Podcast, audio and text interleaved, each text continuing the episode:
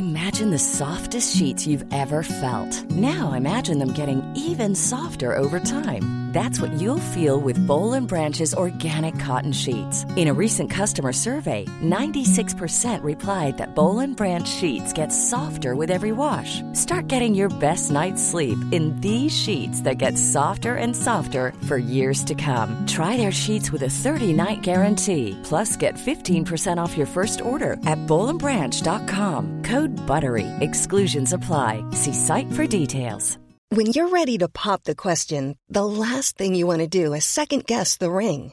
At Bluenile.com, you can design a one of a kind ring with the ease and convenience of shopping online. Choose your diamond and setting. When you find the one, you'll get it delivered right to your door. Go to Bluenile.com and use promo code LISTEN to get $50 off your purchase of $500 or more. That's code LISTEN at Bluenile.com for $50 off your purchase. Bluenile.com code LISTEN.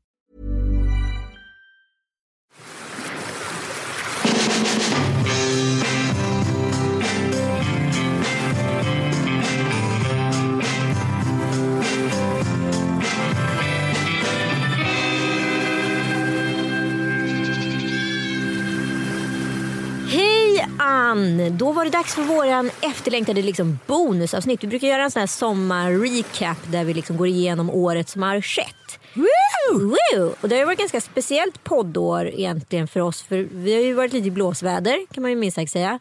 Och så kommit liksom på rätt eh, sida helt plötsligt. Rätt sida vänstern. Vänster, exakt. Vi går tillbaka till vänstertrafik. Exakt. Och eh, man kan i, i stora drag säga att eh, liksom från förra sommarens eh, poddstart, alltså efter sommaren, till nu så har mycket liksom präglats utav metoo kan man se. Eh, vi kan se Kulturmannen, akademin och, eh, Knutblusar. ja, och relationer i grunden. Alltså så här, relationer, relationer, relationer. Det har varit ett så här vulkanår där vi kvinnor eh, på olika sätt eh, och med, på olika liksom, ja, har på något sätt spytt ur oss vår lava sedan generationer tillbaka. Mm, det gillar du att göra. Du tar Ja. gärna generationsfacklan. Ja det, ja, det måste man göra. För man inte kan sin historia då kan man inte veta hur man ska bete sig i sin Blir samtid. vi lyckligare? Nej, men, men det, det som hände, det som alltid sker eh, liksom, ska man säga, under omvälvande reformer det är att det alltid blir en backlash. Ja, det har skett liksom lite stötvis och lite pysvis men eh, det blev rejäl punka när Uppdrag granskning faktiskt lite smulade sönder medias bevakning. Men det är ändå spännande tycker jag ur liksom ett eh, historiskt perspektiv att få vara med om den här eran och vara en del av den. Och det här kommer vi kunna prata med våra barn om i vuxen ålder. Helt såna saker. fantastiskt. Jag älskar känslan av att få vara med om en revolution. Absolut. eh, när människorna inte var nöjda i gammeltid så gjorde man revolution på olika sorters sätt. Kvinnorna i Troja, eh, de sexvägrade. Eh, Potatisrevolutionen här på 1900-talet i Sverige, då krävde kvinnorna och männen att eh, liksom, få tillgång till den dyrbara potatisen. Alltså det, man, man får göra liksom sin revolution där man står.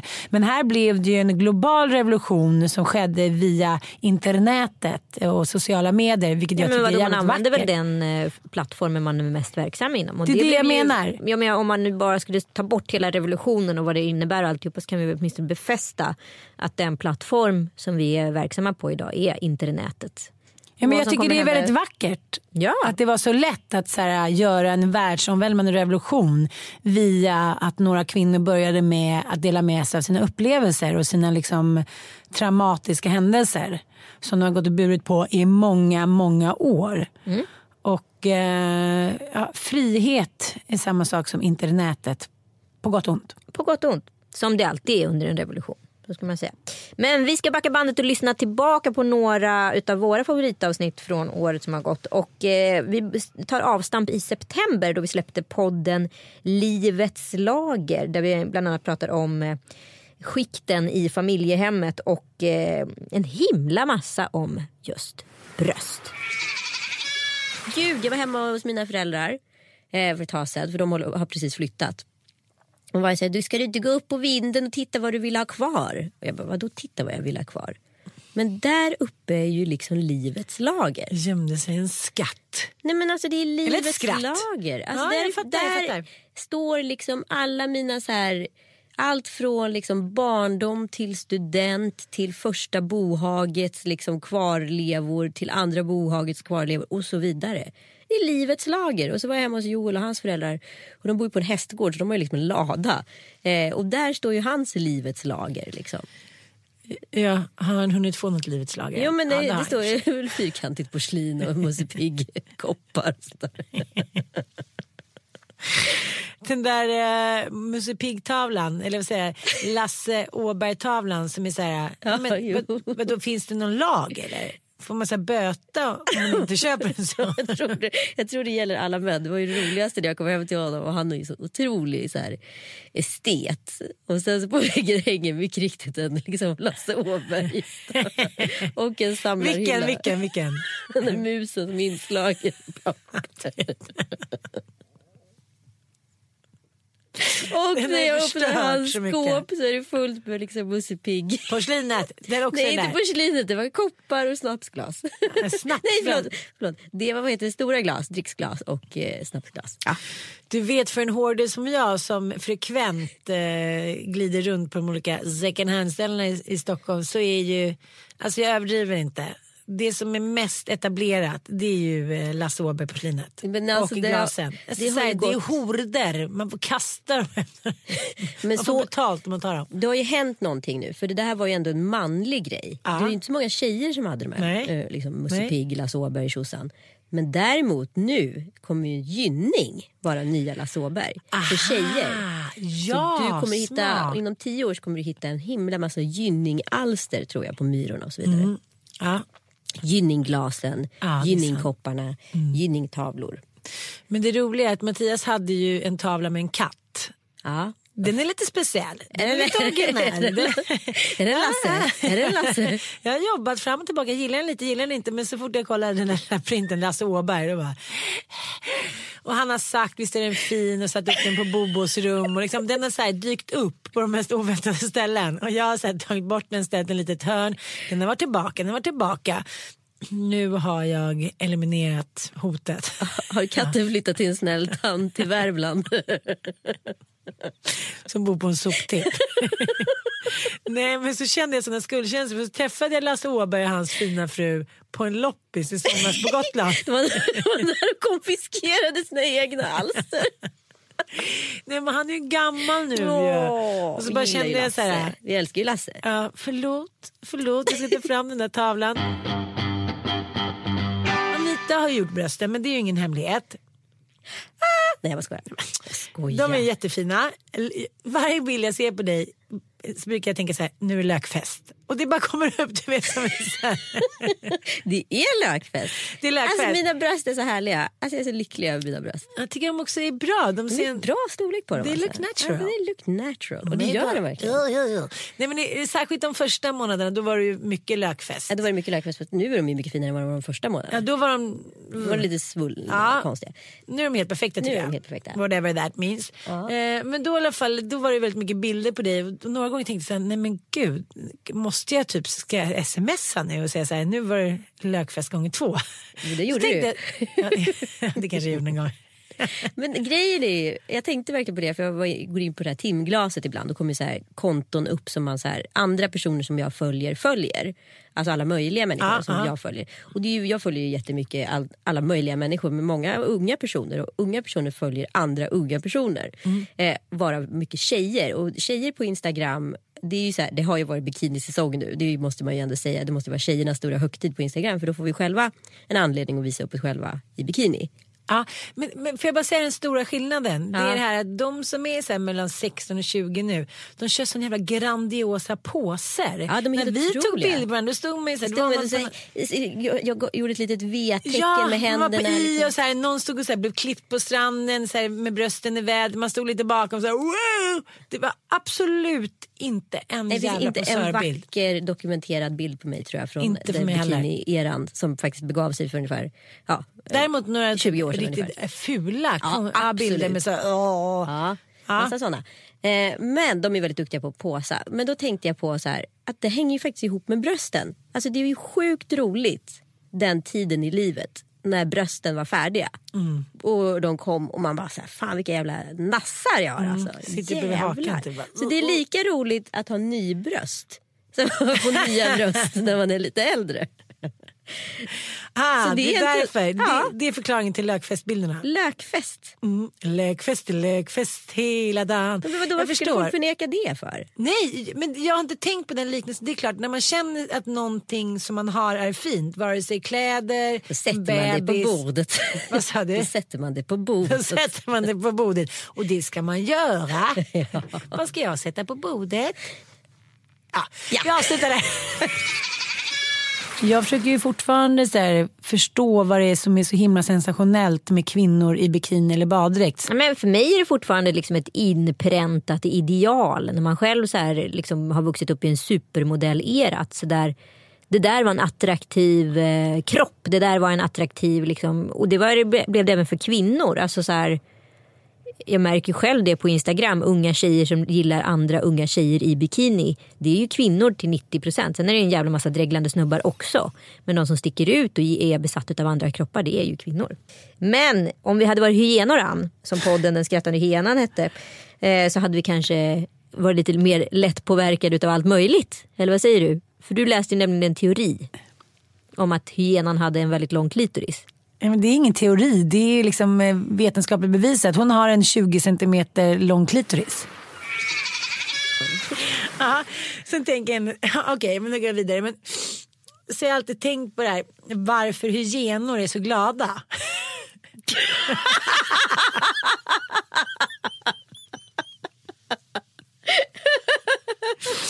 Ja, men sen så har jag fått svaret på att de alltid, de, de är ju så fula. De är ju verkligen så här lägst i liksom djurvärlden. De får ta så här gamla rester och och så jag tänkte, så här, varför skrattar de hela tiden? Vad är, vad är det de har gjort som är så himla roligt? Och så nu när jag var med Dante och Frasse på zoo i Danmark. Mm, då eh, läste jag på den här lilla skylten och eh, det beror tydligen på att hyenor har 20 centimeter stor klitoris. Så de behöver ju bara så här, gå förbi och typ dra en liten pink och få en liten vindpust i klittan så bara woohoo! Så kanske de får en orgasm.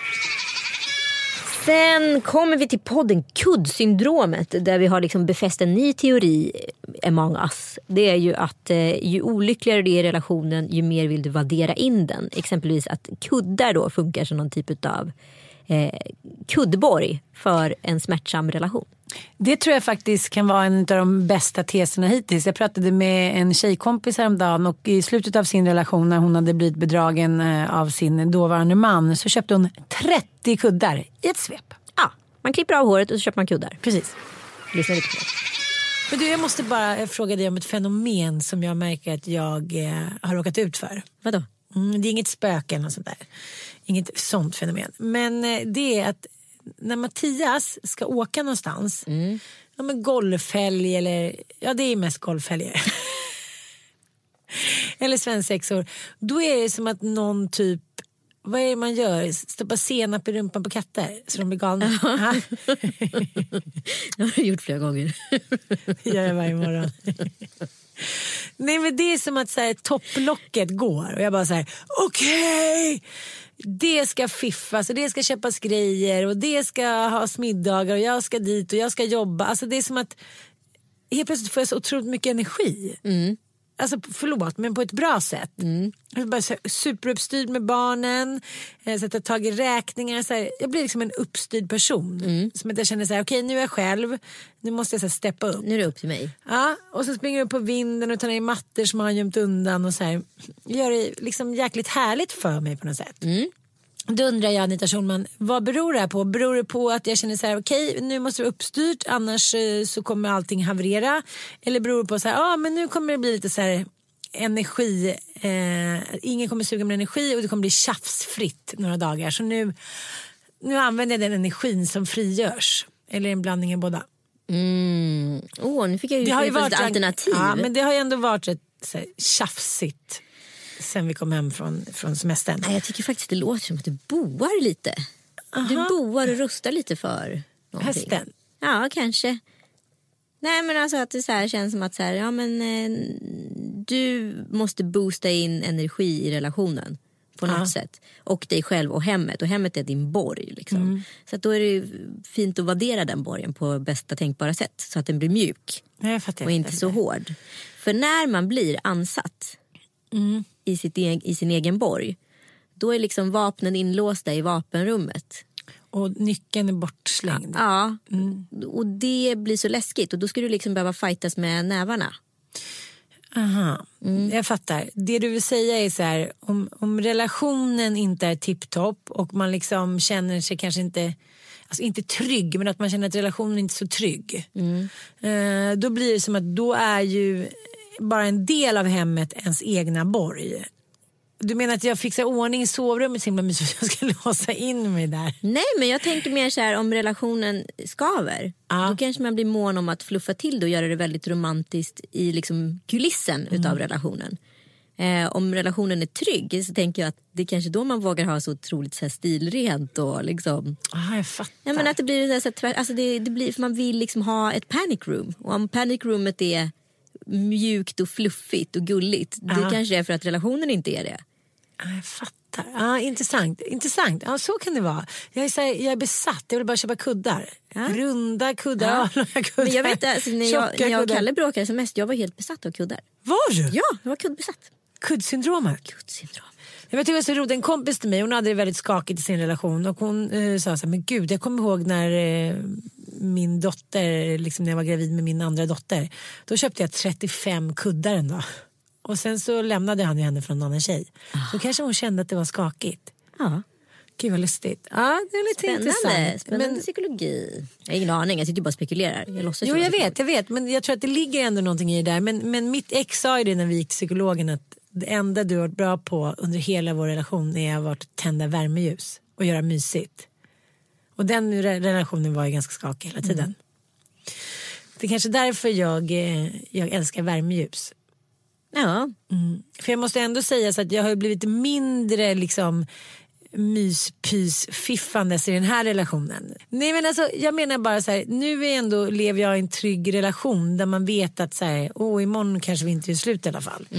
Och då, alltså det har tagit mycket längre tid för mig att göra ordning den här lägenheten än vad jag brukar göra. Då brukar jag vara klar på två veckor och sen så här, nu är det klart och allt är fixat. Och eh, nu känner jag inte riktigt samma behov av det. nej. Fast just nu gör jag ju det. Ja, det är märkligt. Ja, det är märkligt. Ja, men det var en intressant analys att om, om eh, borgen i borgen är skakig då börjar man köpa kuddar.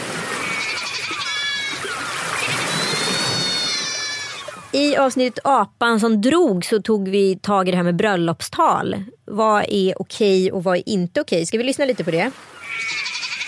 Hur var talen? Talen, eh, men de var bra. De var jättebra. Eh, det- det är alltid roligare när människor har känt varandra länge i prekära situationer. Till exempel pluggat ihop. Ja. Som hans skånska kompis som han har pluggat ihop med, Gunnar. Ja. Han var ju riktigt rolig. Och de hade också plockat fram när Marcus var med i Melodifestivalen. Nej, jag har varit med i Melodifestivalen. Nej, men de, han och hans kompisar eh, bor ju i Halmstad, eller de bodde i Halmstad då, eller bodde de i Växjö? Ja, hur som helst. Eh, Melodifestivalen kommer dit och Afrodite, du vet, Ja. Gladys Pilar. Ja. Ja. De behövde några snygga bakgrundskillar Nej, vad roligt. och då få tips om Marcus och hans två kompisar. Och, eh, så de är ju där under, hur gick den där låten som de hade?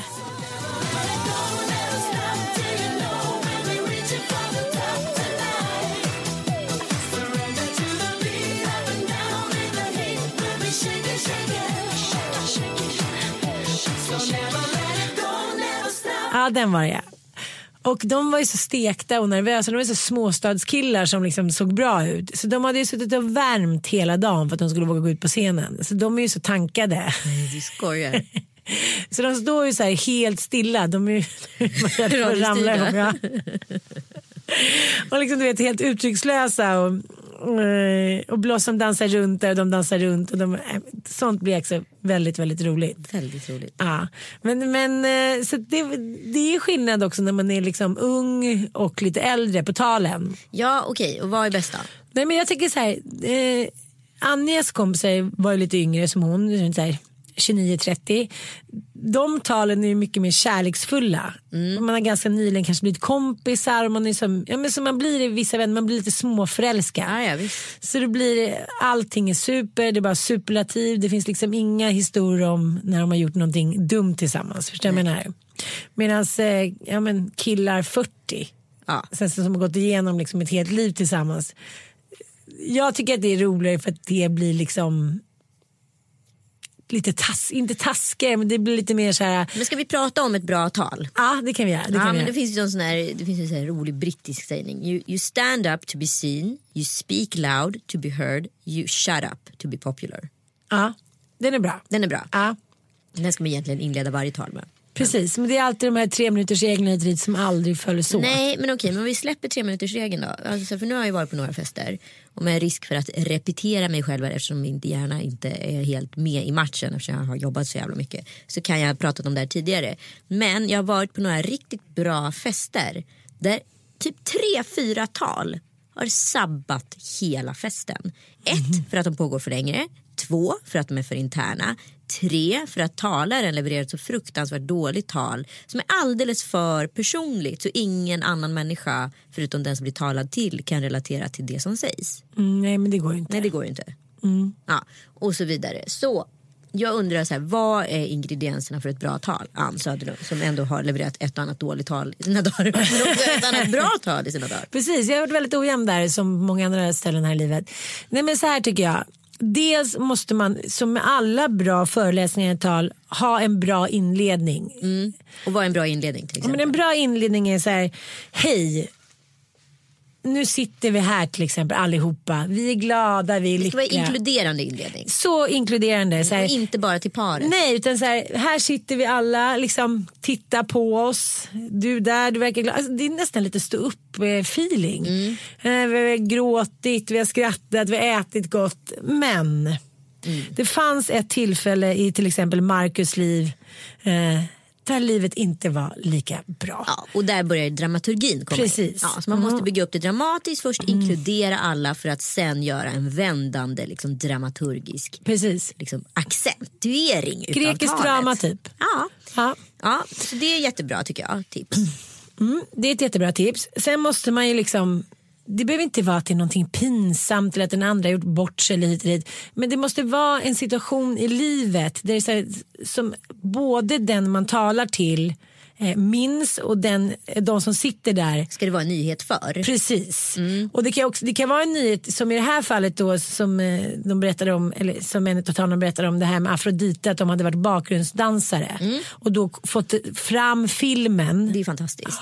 och eh, Blossom som höll ett tal där, jag kommer ihåg du var riktigt snygg och bla bla Ja, bla. man får tag i henne också. Man vet, ja, Det är precis. lyxigt, men det är väldigt lyxigt. Det är väldigt lyxigt. Ja. Men, men det Men annars om... ska det handla om att så här, inkludera och fram, faktiskt få alla att uppleva att de får en nyhet Mm. men samtidigt känner till den här personen. Sen tycker jag en annan viktig grej i tal det är att man också inkluderar den andra partnern. Om du nu är min kompis Mm. så om du skulle hålla tal till mig och Joel så måste du få in Joel på ett Ja. Mm. hörn. Liksom, Som inte känns krystat. Ja.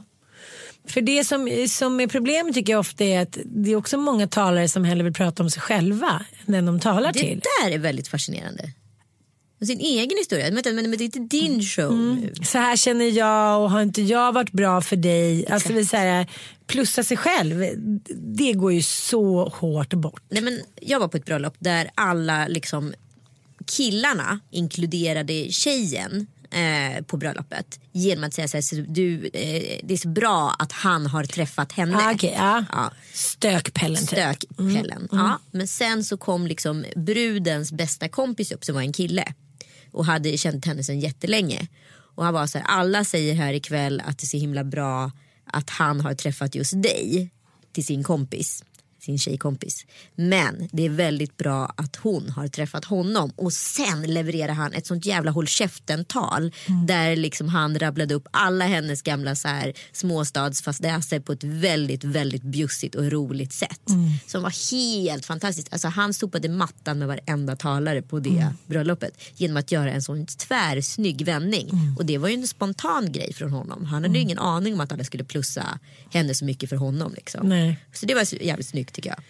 Men A och O är ju Snygga vändningar. tyvärr snygga vändningar. Bra dramaturgi. Eh, inkluderande inledning, Mm. snygga vändningar, roligt, bra dramaturgi. Eh, Man behöver inte ha världens mest avancerade bildspel. Nej, man behöver inte ha en enda bild men det är klart att det är roligt om man får se en så här, Särskilt om människan liksom, i fråga har förändrats väldigt mycket. Det är roligt. Men det finns också en annan grej som är superonödig.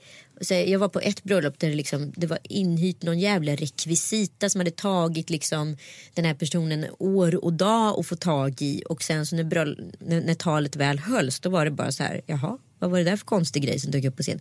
Och eh, personen i fråga berättade hur svårt det hade varit att få tag i den här rekvisitan.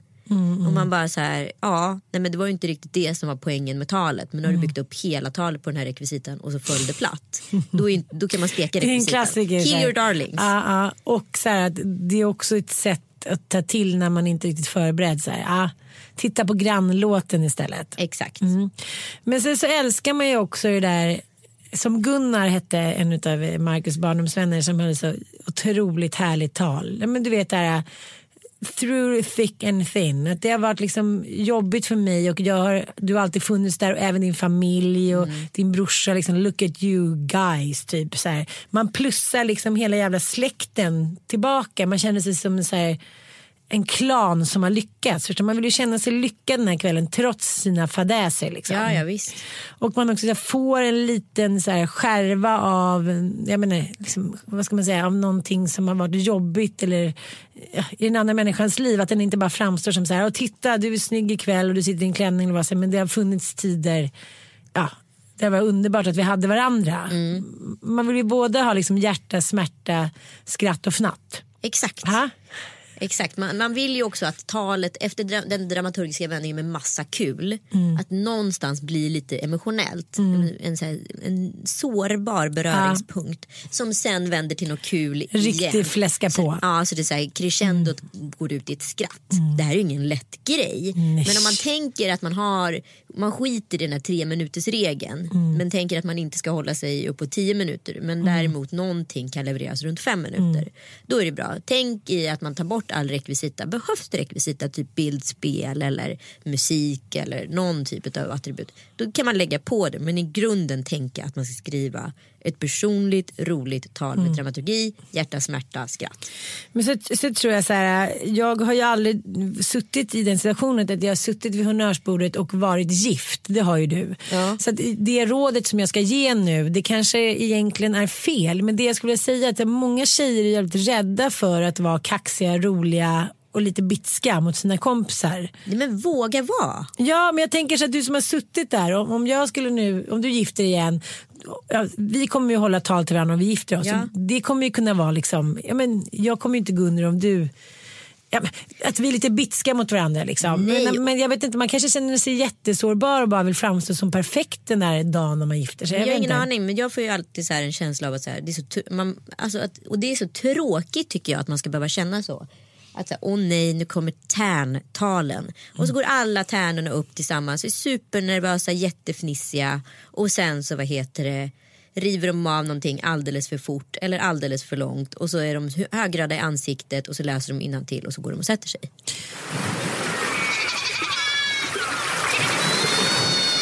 Sen kom det faktiskt ett poddavsnitt som vi var tvungna att lyfta bort för att det var en sån otrolig storm i, eh, sociala medier på kommentarerna. Mitt i brinnande metoo så var vi också anklagade för att vara eh, meddrivare till att inte tycka om kvinnor. Eh, vilket var ja, enligt oss båda en ganska så här hård anklagelse och vi som ändå alltid tycker att vi kämpar för kvinnors rätt och jämställdhet eh, blir väldigt så här, sårade av hela den här smutskastningen. Liksom. Eh, så vi tog bort det avsnittet från sociala medier. Eh, och eh, avsnittet som kom efter heter Nedtystat och då pratar vi lite om det som har hänt. Välkomna till veckans lillelördag i efterdyningarna utav metoo-manifestationen. Nej, säg nu inte efterdyningarna. Vi är fortfarande i svallvågorna. Absolut. Och det var så himla bra igår när du och jag och Jenny Strömstedt och Kristin Kaspersen. Massa eh, både kända och okända kvinnor var nere på Sergels torg. Det var ju manifestationer i ungefär tio städer tror jag. Eh, där kvinnor pratade om när de själva blivit utsatta. Det var musik och liknande. Och eh, då var det en talare som sa så här nu måste vi fortsätta prata om det här, inte bara vi, utan så här, på skolgårdar, på fritidsgårdar, i snabbköpet, i sänghalmen, Ja, I på semester. matsalen. Alltså. Precis. Så här, nu måste det här fortsätta. Det får inte klinga av. Då är vi alla lika skyldiga medlöpare igen. Ja. Så att nu är det så här, nu har det bara börjat. Nu ska bara så här, svallvågorna ska fortsätta tills vi har fått bukt med det här problemet. Ja och grejen är ju så här. Alltså jag känner liksom Cissi, jag känner han som Cissi har blivit liksom, eh, utsatt för. Vi är många som har känt de här personerna och är kompisar med båda. Eh, det är Jag inte var så... på en fest med, med honom nyligen. Ja, nej men det är inte så att någon har skyddat någon. Det har bara varit extremt svårt att agera. Och vi är många som står i skuld här. Men det som är svårt i en värld som är social och eh, på något sätt eh, så här, de, de sociala koderna som finns är ju sedan länge inprogrammerade i oss. Ja, Vi artigheten står ju svenskar, om vi träffar någon som vi känner då kramar vi den och säger hej och liknande. Absolut inte med alla. Men eh, det är ju samma sak som jag har råkat ut för en kille, ett ex till mig som var så jävla ärs, arsle mot mig. Jag har ju flera vänner som umgås med honom nu. Ja. För att nu är han en schysst kille och inte som han var när han var ihop med mig. Och det känns ju jättejobbigt i mig men jag kan ju inte gå in och så här äh, inte vara kompis med dem. Eller jag, jag vet inte riktigt hur jag ska agera. Nu däremot så skulle jag markera mycket mer om jag träffade då Fredrik Virtanen. Så då känner jag mig också så, här, så jävla skenhelig. Jaha, nu minsann, när andra vet om vem det är, då kan jag sätta ner foten och markera. För att det här är en gammal kompis till mig. Ja, men tänk om jag skulle få reda på att du till exempel, eller Mattias, hade utsatt någon för någon sexuell kränkning. Då tänker jag, jag vet inte vad jag tänker. Nej, jag det- tänker så här, jag menar om man tar Harvey, då är det så här, okej, om jag skulle få reda på att min snubbe har gjort det systematiskt i 30 år, då skulle jag behöva säga, hej då, vi ses aldrig mer. Men om det var någon liten grej, jag tycker det är svårt. Det är svårt och det är därför den här frågan är så svår. Och jag tycker så här, det som är problematiken när man är 70-talist det är att man hör liksom, jag säger inte att jag förstår, men jag hör Elisabeth Höglund-generationen. För det är den generationen som har klingat i våra öron. Det är de som har berättat för oss vad som är rätt och fel. Det är så vi är fostrade. Sen har vi liksom den här 90-talistgenerationen som är liksom post-fit-stim. Som liksom aldrig någonsin skulle acceptera någonting liknande. De har ju inte liksom acceptans eller förståelse för Elisabeth Höglund-generationen och tvärtom. Och det är ju det här som blir farligt tycker jag hela tiden. För då börjar kvinnor attackera kvinnor igen och då blir det liksom Du ja, flyttar status quo. fokus. Ja. Det är ganska vanligt i liknande kampanjer att helt plötsligt så flyttas fokus och vi kvinnor börjar ånyo så här, kasta skit på varandra. Ja, fast ett nytt perspektiv. Va? Ja, fast från ett nytt perspektiv. Ja, ja, precis. Men Så här- ingenting har hänt. Nej, här, man måste vara helt perfekt i de här situationerna för att inte liksom minidrevet ska gå. Exakt. Men jag kan samtidigt inte förstå att man inte kan ha bättre fingertoppskänsla. Som till exempel ta Erik Hörstadius. Mm, som kanske mest lyckat jag också draget. känner. Eh, och du med. Som sitter i en panel då i TV4 och ska försvara det här. Då förstår man ju också så här. Om man sitter i liksom en, en nationell kanal och tycker så här, men vad då? Mina döttrar ska väl liksom, någon gång ska väl alla råka ut för gubbtafset ungefär. Fast det var inte det. Jag kan ändå känna att det var ett genidrag av fyran att ta in honom. För det blev ju liksom ramaskriet. Alltså det var ju verkligen Mm. grädden på moset just i debatten. Och där någonstans såg man ju återigen alltså generation tafs. Kan vi kalla dem för det? Mm, det kan vi. Ja, generation tafs eh, komma till tals och liksom inte riktigt förstå det här. För det är nog Nej. också tyvärr. Jag, ja, jag hör ju på förstått. honom. Nej, det handlar inte om att han vill vara elak eller liksom, eh, sätta igång någonting. Han förstår inte. Han tycker att det är hans rätt. Att på fyllan tafsa loss lite för att det är lite gubbhärligt. Alla son och dalkullerna. Ja, och jag har ju varit på en hemmafest för bara liksom ett år sedan varav en man nöp mig i rumpan och gjorde shh tecknet efteråt. För det är jobbigare för mig att så här, outa den här mannen inför hans fru och massa andra än att liksom ta skammen och så är det här vår tysta lilla hemlighet. Jo, jag vet. Ska vi gå vidare i Jag livet vet. bara? Men det är där det, är där det måste förändras. Om du skulle säga så här då, vad fan håller du på med ditt äckel? Nyper du med i rumpan? Vad tror du din fru säger? Han skulle aldrig mer göra om det. Nej. Det behövs en sån reprimand och så, så här, står man där med skampålen. Alltså så är det bara. Ja. Å andra sidan, det som har skett historiskt när man har gjort sådana där grejer. Det är att frugan backar upp snubben och så blir det bråk mot tjejen Mm. och sen så är man liksom paria.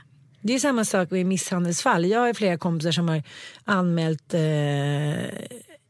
deras kompis man och då har hon vänt om ryggen också. Men till slut är ju ändå det helt rätt sätt. Förstår du? Till slut så inser de flesta att så jag kan inte leva så här. Man kommer till en point of no return. Men det har ju varit en valsning om jag vill säga så i media. Martin Timell, eh, Lasse Kroner, hitan och ditan. Så de har bara fallit som käglor. Ja, och Och deras Martin- taffliga ursäkter. Nej, det var ingen mediacoach som hade hjälpt dem där. Inte. Nej.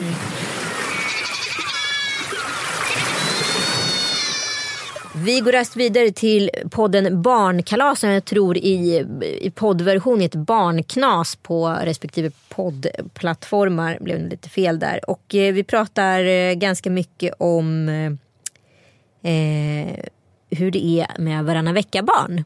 Och vi har ju liksom, jag har ju vuxit upp det här året och liksom fått testa på varannan vecka-livet och också sett så här, dess fördelar och icke-fördelar. Vad säger du Ann som har liksom två barn på heltid och fem barn på halvtid? Jag tycker att det är en ganska svår tillvaro om man nu vill liksom leva efter yin och yang principen eller någon form av så. För att det är svårt att tillämpa den principen att hitta en harmonisk balans med fem barn varannan vecka och två varannan. Det blir liksom aldrig riktigt harmoniskt. Nej, så du gillar inte den? Nej, alltså jag gillade ju den mer innan jag fick de här två nya barnen tror jag. Nej, men just att det blir som man är lite blåst på konfekten. Eh, för man kan ju aldrig släppa taget om de här andra tre barnen som man skaffade innan. Så att det blir lite som att man ständigt ska överkompensera, rids av skuldkänslor och ändå sitter i den där jag menar, kärnfamiljstjafset varannan vecka. Nej, det, det är svårt. Det kräver sin eh, liksom, strateg och där kanske inte jag är den mest kända kvinnan i skåpet. nej, nej, jag får ju själv testa på detta nu med förhoppning om att vi kommer skaffa ett barn eh, under året. Så får vi se. Jag kan, kan få återkomma i ämnet Ja. kanske. Om det, om det är toppen eller inte. För nu väljer jag ju bort ett ganska lyxigt liv. Ja, det är det. Ja, det Men nu har du haft lyx, nu räcker det. Nu, räcker inte, det. nu, är Jante, nu är Jante, Jante- tillbaka Jante och Luther tillbaka. och alla. Ja. Ja. Ehm, vi pratar om i podden Restart om Free the Nipple som, ehm, som manifestation på Instagram. Om den är fungerande eller inte. Vi kan lyssna lite på eh, hur det lät. Men eh, jag tänker mycket på den kvinnliga kroppen och eh, nu när jag är inne i min historievurm. Det är en omöjlig uppgift att ha en kvinnlig kropp. Ja. kroppen är ju liksom uppdelad i bröst, kön, hår, röv, midja, ben. Vi är ju liksom inte... Den är styckad. Den är, det, vi är en styckad gris liksom. Som eh, männen har fått liksom sätta ihop och efter behag lite hur som helst. Ja, och jag, man kan ju aldrig så här, sluta prata om den här diskussionen som är nu. Alltså, vi pratade ju om det i programmet Free the Nipple-rörelsen och jag är ju liksom jag vet inte vad jag ska tycka om den grejen. Jag tycker att det är sjukt på ett sätt att Instagram så här, förbjuder bröstvårtor. Eh, för... Inte mina. Nej, men, Jag har fått eh, dispens. Din, dina, dina har fått dispens. Nej men att de förbjuder bröstvårtor. Eh, och jag tycker ju att det, det, är, det är klart att det finns en skillnad och en jättepositiv förflyttning i att kvinnor själva tar sin egen sexiga bild. Men problemet som jag upplever när jag kollar på Instagram exempelvis det är att så här, den här sexiga bilden som en cool dansk influencer lägger upp på sig själv. Eh, där hon är superhärlig och liksom, i hennes forum är det en, liksom en pigg, sexig, härlig bild på henne. Där hon står med ett par perky nipples och är liksom så glad och ung som hon ska vara. Liksom. Men den bilden plockas ju upp utav random så här herrkonton och läggs in i en annan drivhög liksom, utav andra tjejer och andra bilder och andra syften att exponeras där män kanske har tagit bilderna de kanske är för en Playboy-tidning eller lik motsvarande herrmagasin. Och helt plötsligt är då den här danska influensens härliga sexiga bild inte alls hennes härliga sexiga bild längre utan faktiskt tagits, alltså stulits utav männen.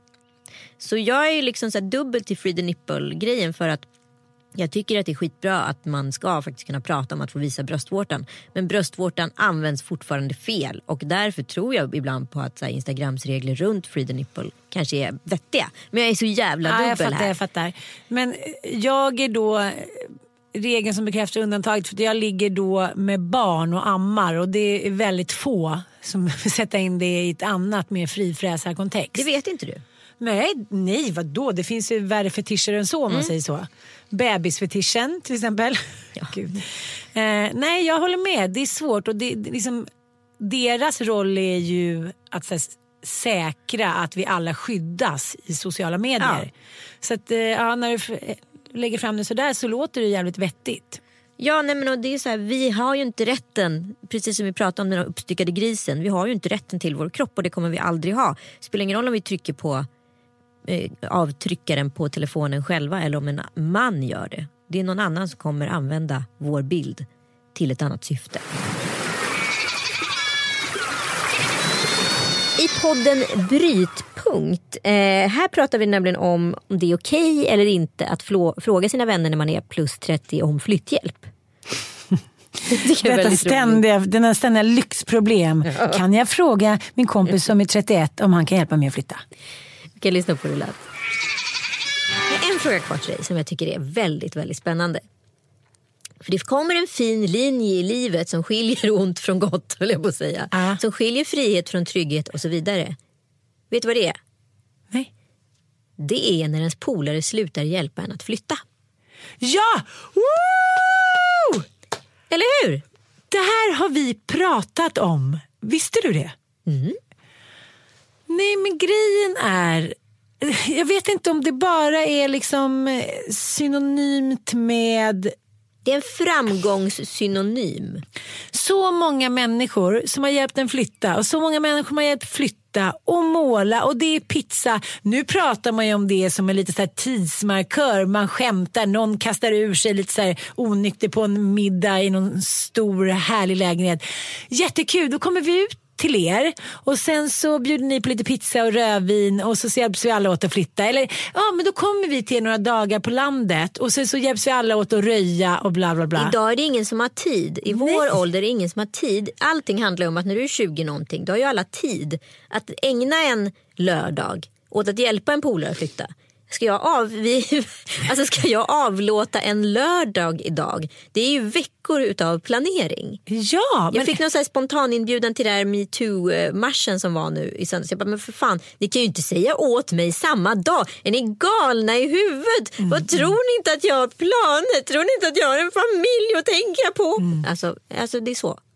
Du kan inte bara komma och slänga ur dig en sån där grej. Det krävs planering. Det är inte särskilt mycket kvar av 70-talets sköna kollektiva tjaba hallå tjena känsla utan det är så här, spontaniteten har ju dött. Ja, ja, gud ja. Men jag kände det nu när vi skulle flytta. Du har ju också flyttat i månader. Ja, vi har haft en liten bil och så kört två kartonger. Så, så köpt en liten bil och så kört två kartonger. Det är så tyst. Ja, det är så och jag tyst. stod på ICA. Eh... Och Joel har då också kompisar som är i 20 plus åldern där alla liksom inte har eh, ett superetablerade jobb eller liksom där det, är, där det är en klassisk framgångssaga som är bakom. För jag tror att det kommer till en viss punkt när folk säger ah, men nu har du köpt din bostadsrätt. Då behöver du minsann inte flytthjälp. Då har du råd har att köpa. Mm. Ja, det handlar ju om den aspekten ja. också. Att man så här, blir en snålis som utnyttjar sina vänner så här, lilla lediga tid. Exakt. Och då blir det ju helt enkelt så att men om du är 20 någonting kanske inte har en bostadsrätt. Då hjälper man varandra att flytta. Det var så jag och mina killkompisar alltid gjorde det mellan liksom, 20 och 30. Eh, och sen upphörde det. Han ringde nu inte in sina killkompisar för hjälp till flytt. För att han har en bostadsrätt? Tror det. Tror det fanns en skam och en skuld i att det fanns en, en, större, en större lägenhet som behövde installeras. Men fan, jag tycker att det där är helt fel. Måste då en ekonomisk liksom, utveckling betyda att man inte står för kollektivism längre? Det tycker jag är helt absurt. Gud vad ensam man blir då. Sak och person. Sak och Jo, person. jag vet, men jag kände så här, jag hade verkligen velat be människor om hjälp nu. Men jag kände så här, att be någon i min upptagna faktiskt vänskapskrets med alla så mycket med jobb och framgångsrika ungar och skilsmässor hit och dit. Det skulle vara lite som att här, kasta en brandbomb en familj sitter och käkar. Det kändes nästan som att svära i kyrkan. Jag kunde inte göra det och jag tänkte så här, okej, gör det inte då. Men hur kan det vara en sån issue inuti dina känslor i kroppen? Ja. Att be någon om hjälp. Hoppas ni har en lika bra sommar som vi. Vi hörs Som om- kommer ha. Som kommer ha. Vi hörs om en vecka. Tack för att ni har lyssnat. Puss och kram, glad sommar! Glad sommar.